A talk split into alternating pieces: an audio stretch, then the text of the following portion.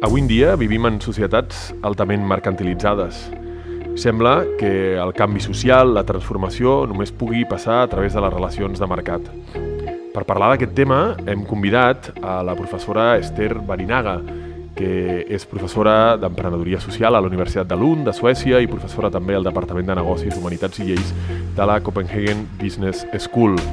Ella ha vingut avui a l'IQS amb motiu del nostre 25è simposi de la Càtedra d'Ètica i Pensament Cristià, que amb el títol Diners, habitatge i treball, els límits del mercat, vol debatre sobre aquests elements que són fonamentals per a una vida digna i que haurien de ser protegits, probablement, de les dinàmiques del mercat. Benvinguts a una nova edició del podcast Indefugibles. Indefugibles, el podcast de la Càtedra d'Ètica i Pensament Cristià de l'IQS, amb Xavier Casanovas i Oriol Quintana. Un podcast amb la col·laboració de Catalunya Religió.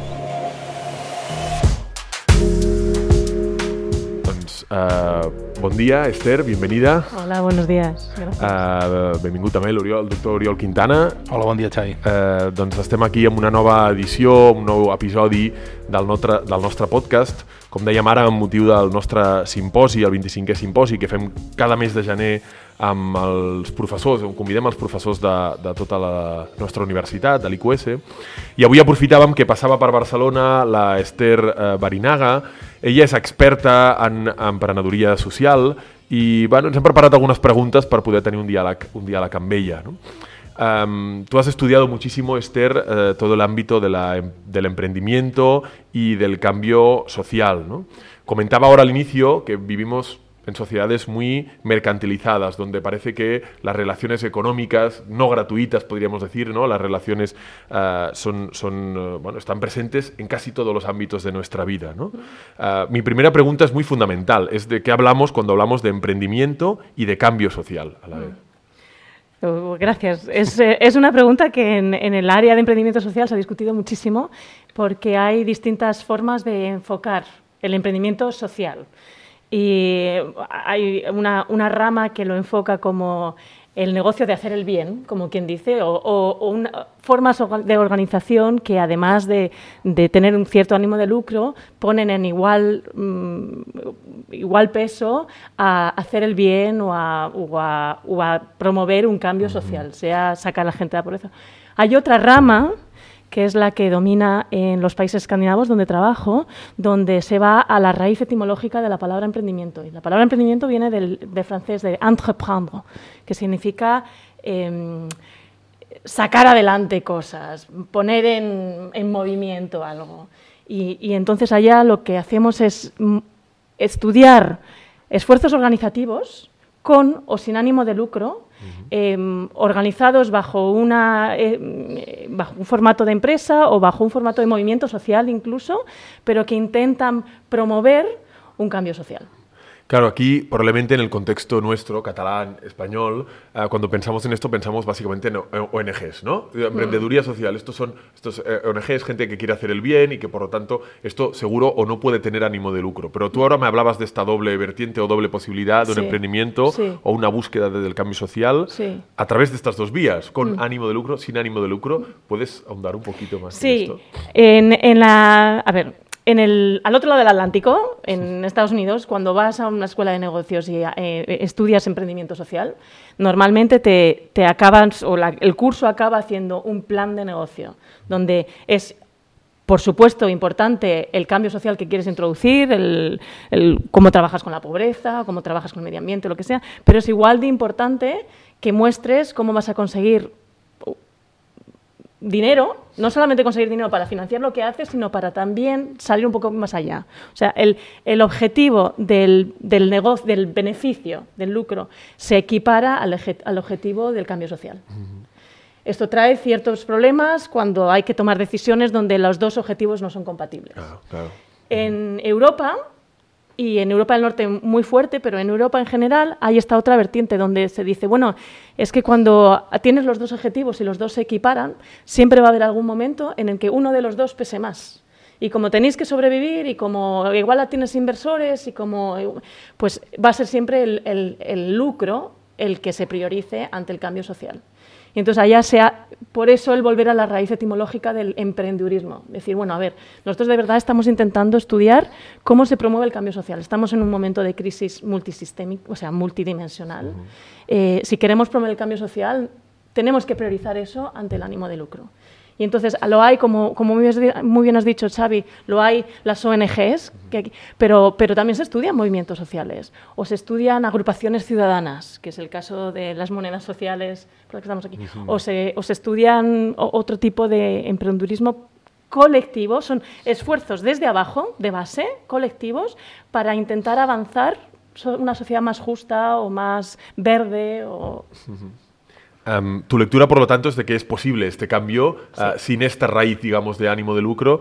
Lo digo por, este contexto en el, del que hablamos y que de hecho será un poco el, tema de fondo del simposio, ¿no? Un mm. contexto mercantilizador, en el cual realmente el peso, digamos, ¿no? de la decisión uh, por lo que se refiere al, ¿no? al, lado del capital, de quien mm. invierte, de quien está buscando rendimiento, mm. es muy alto y al final, uh, tú misma lo decías, ¿no? lo que importa es, uh, hoy en este mundo, es ganar dinero y competir, y el que más consigue competir y chafar al más débil es el que al final acaba ganando y acaba consiguiendo rendimientos mayores. ¿no? Pero tú estudias esta parte que muy a menudo, al menos yo creo que ¿no? si hay que ponerse un poquito el gorro, digamos, ¿no? de abogado del día Ah, se dice que, bueno, pues sí, esto está muy bien, son buenas intenciones, ¿no? Ah, esto no es capaz de ponerse frente a frente, yo que sea, grandes inversiones millonarias en un mundo, en un mercado, por ejemplo, ¿no? De empresas tecnológicas que están dominando y que están buscando, ¿no? Y capital que está buscando el máximo rendimiento posible. Mm, y es cierto, estoy contigo, que, que hay, hay mucha desesperación o hay mucha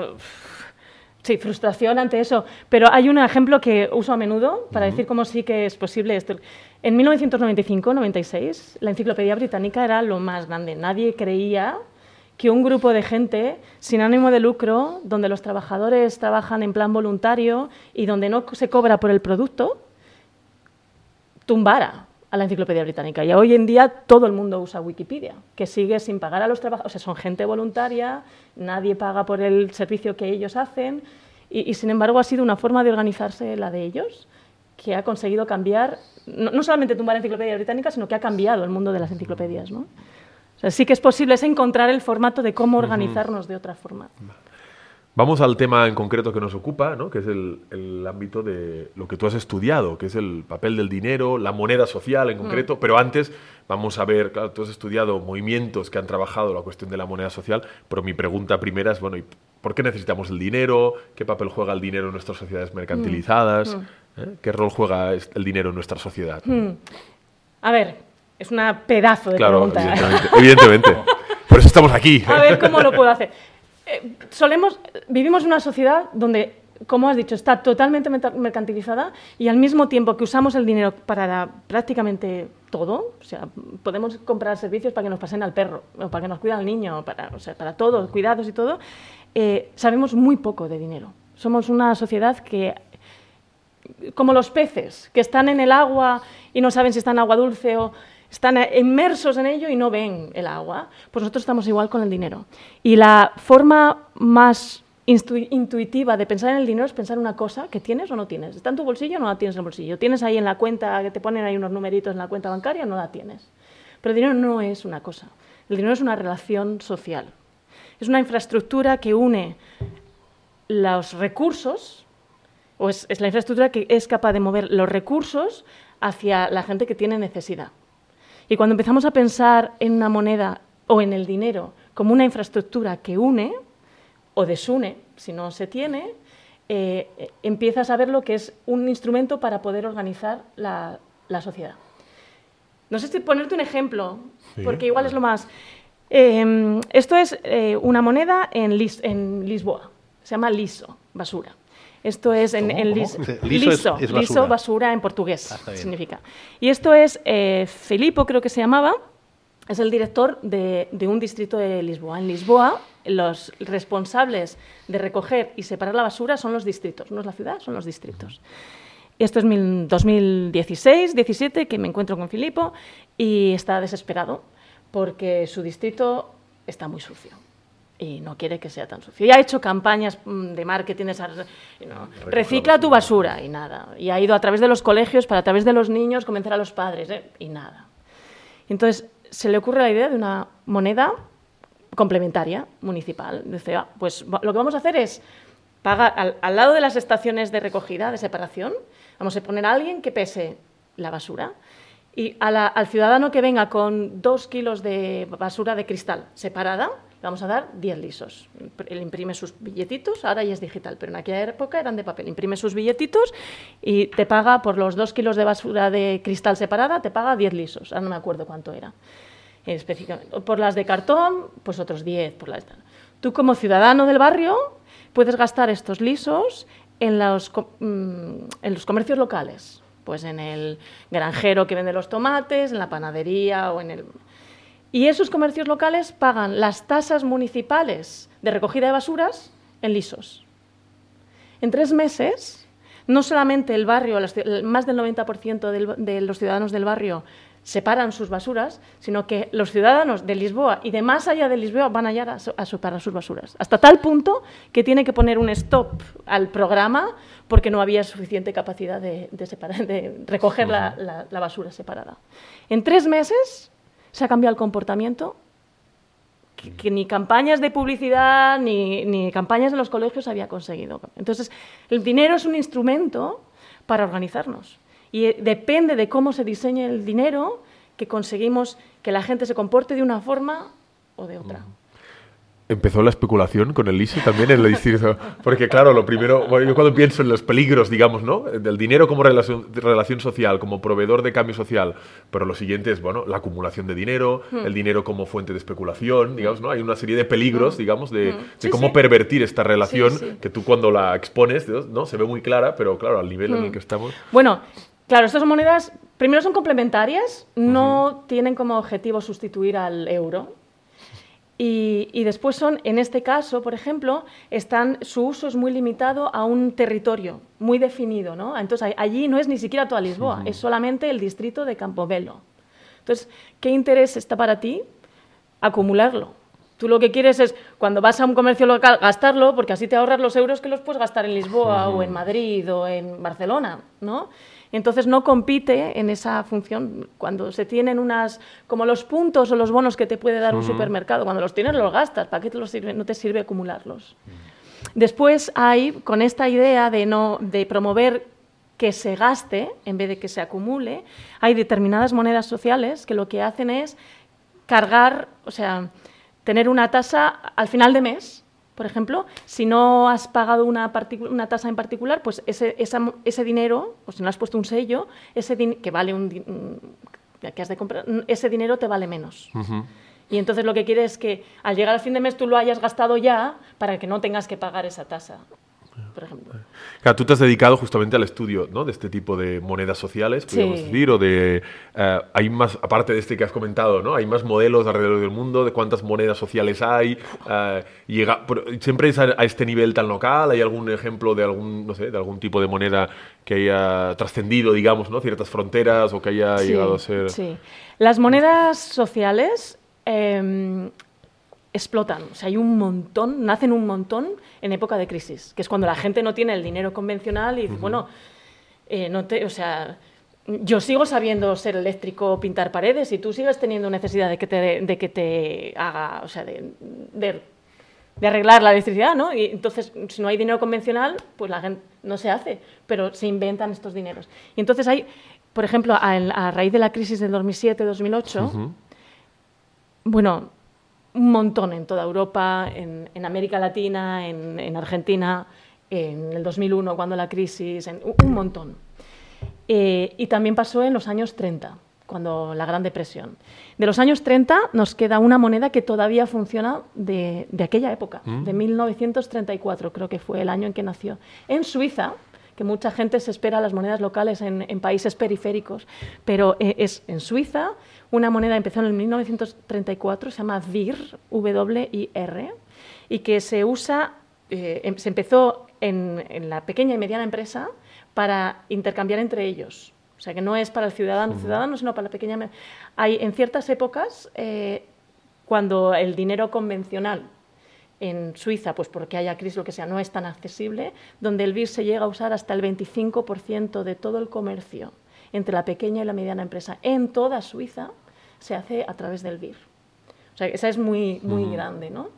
Eh, y sobre todo es un modelo que es una, es una moneda que como lleva casi pues 90, años, 90 años este año, que se muestra la, la, estabilidad ¿no? y la solidez de la moneda, que no es solamente un grupo de hippies eh, inventándose dineros complementarios. No, yo me estás abriendo los ojos porque a mí siempre me había parecido el dinero como pura y simplemente expresión de la fuerza, digamos, eh, porque es como lo entendemos. Uno pasea seguro por la calle pisando fuerte si mm. tienes dinero en la cartera y si no, pues hay una novela de, George Orwell que no viene a cuento para nada, pero ya que tengo el micro, me apetece que se llama Keep the Aspidistra Flying, que es la, la historia de un tío que intenta hacerle la guerra al dinero. Y entonces una ficción, claro. Eh, es un señor que trabaja en una empresa de, publicidad y decide que su talento literario en los años 30 pasa justamente, ¿no? Cuando la publicidad se escribía, ¿no? Los copywriters que se dice. Entonces, eh, su talento literario no, no, eh, no es suficientemente digno de... Al revés, o sea, su trabajo no es digno de su talento literario, quiero decir. Y entonces decide escribir poemas y vivir en la pobreza. Y, no le sale la rebelión. Es decir, al final tienes que plegarte de alguna forma, parece decir, esa novela las necesidades del dinero y a tener que buscar un trabajo para, etcétera, ¿no? No sé, eh, las alternativas que propone son chulas, pero realmente son muy limitadas. A mí me parecía, ¿y no podríamos hacer algo así? Es decir, cambiar, o sea, evitar justamente Claro, si evitamos la acumulación de capitales, también evitamos la economía, tal como la tenemos montada. Claro, Me encanta, me encanta el comentario, me encanta. Bueno, que sí, lo de que el dinero es expresión de la fuerza. sí, y es así porque, a ver, el dinero convencional que tenemos ahora está diseñado... Una cosa que te enseñan las monedas complementarias es que el dinero se puede diseñar. Mm. Que lo que tenemos es un formato. Se puede diseñar de otras muchas maneras. Y el formato que tenemos se crea y lo gobiernan o lo, gestionan eh, los poderes fácticos de nuestra sociedad. Son los bancos centrales y sobre todo los bancos comerciales, los bancos privados. El 97% del dinero en circulación está creado por bancos comerciales el momento que te, que te dan un crédito. 97%. Eso hace que ellos deciden cuándo se crea, cuánto se crea, siguen o no siguen la tasa de tipo de interés que ponen los bancos centrales, pero 97% lo crean ellos. Entonces, como tú dices, sí, el dinero, porque como es el dinero convencional, tal y como está diseñado, es fuerza, porque da, o sea, sostiene esos poderes fácticos. Lo que estamos aprendiendo de las monedas, de las monedas complementarias, primero es que hay otra forma de diseñar el dinero. Y en esa otra forma de diseñar el dinero se puede dar mm, más eh, poder, si quieres ponerlo de esa forma, pero más capacidad de decisión a gente que ahora, o sea, a ciudadanos, a la ciudadanía, o a asociaciones civiles o a pequeños comerciantes, depende de cómo se diseñe el dinero. Y entonces lo que podemos, ah, si quieres, es decir es, es que estos dineros complementarios son pequeños laboratorios de cómo organizar la sociedad de una forma distinta. Que en vez de experimentar a, a escala macroeconómica en rediseñar el dinero, que nos puede, o sea, nos puede salir el tiro por la culata, pues están experimentando. O sea, en España hay más de 40, 50 monedas locales. Las hembras hay en Cataluña, ¿verdad? Aquí tirando para casa. Sí, sí. Hay una en Vilanova la Gertrú, la Turuta, que a mí me encanta, que está, eh, la empezó en el 2013-14 un grupo de ciudadanos eh, y que ahora ya está asociada al Ayuntamiento de Vilanova de la Gertrú, la, ha aprobado para la recolección de ciertas tasas municipales.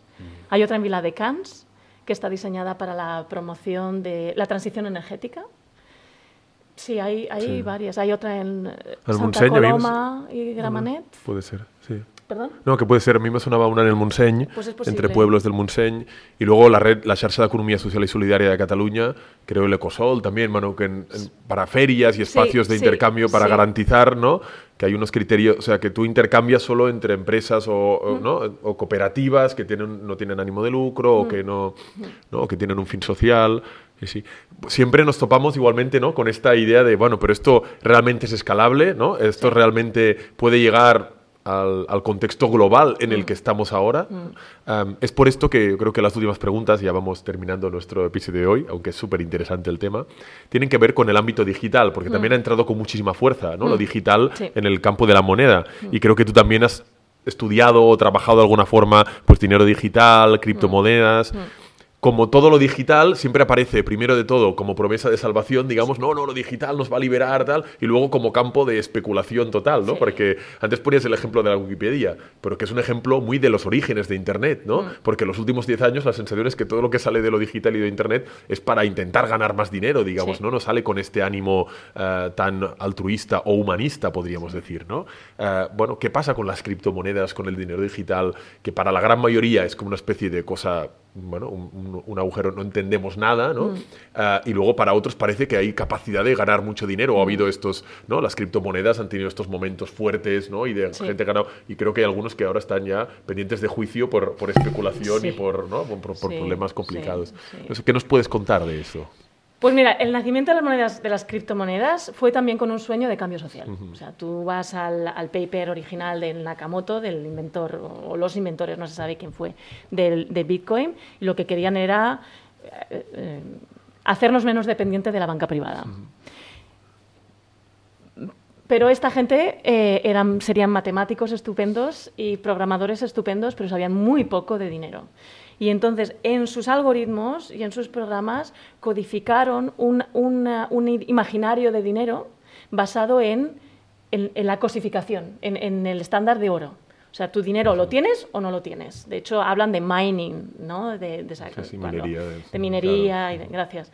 Eh, y ese diseño que han codificado en el algoritmo y que se implementa automáticamente, que era su sueño, el sueño de, de despolitizar el dinero, ¿no? Que se implementa automáticamente, es el que lleva a que ese dinero se comporte o nos lleve a comportamientos a sus usuarios de especulación. Porque o lo tienes o no lo tienes. Y si lo tienes, como es una cantidad limitada, pues va- y cuanto más gente lo quiera, más sube el precio. Entonces, en, en el propio diseño del dinero, del Bitcoin, Está su está, naturaleza está especulativa, especula- digamos, ¿no? O sea, que nunca va a funcionar como un dinero para transacciones casuales del día a día. Esto es Bitcoin. El problema es que eh, por ser tecnología, por ser digital, por ser es muy sexy. Y mu- la gran mayoría, el 99% de las monedas eh, cripto, de las basadas en la blockchain, que son- están basadas en la blockchain, heredan este imaginario del dinero que se programó en Bitcoin. Y entonces, aunque sus emprendedores igual tengan mucha ambición y sean sinceros en, en su ambición de avanzar un cambio social, como heredan esta ideología o este idea imaginario del dinero, el, dine- la- el instrumento que usan no es capaz de avanzar el sistema social.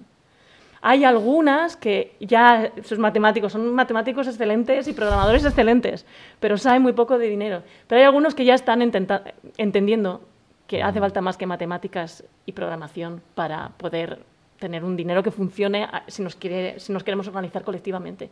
Y entonces están intentando programar diseños monetarios distintos, como el de crédito mutuo en la par, que se usa mucho en Argentina, o la Holochain, que es otra que también intenta usar otros, otros tipos de imaginarios de dinero dentro del, de, los, de, las cri- de la criptomoneda que evalúan. Pero de- yo de momento tengo aún que estudiar una, o que ver una criptomoneda que de verdad sea capaz de proyectarnos hacia un futuro más, más sostenible. Bueno, pues no sé si nos queda alguna pregunta más para completar, ah, pero yo te agradezco muchísimo, Esther, este primera, en- esta primera entrada, ¿no? esta introducción al ámbito del dinero, a la posibilidad del cambio social a través del dinero. Creo que nos has iluminado y probablemente a muchos de nuestros oyentes ah, escucharlo les va a ver muy, muy bien, ¿no? Para, sobre todo para cómo desaprender este tipo de relaciones viciadas ¿no? que, que probablemente tenemos con algo que no deja de ser un- una relación, ¿no? un, un medio, un Sí. medio y nunca, Sí. nunca un fin en sí mismo. Muchas gracias, Xavi, por Pues- la oportunidad. Gràcies, Esther, Uriol Quintana, i Xavi. ens escoltem a una propera edició del podcast Indefugibles.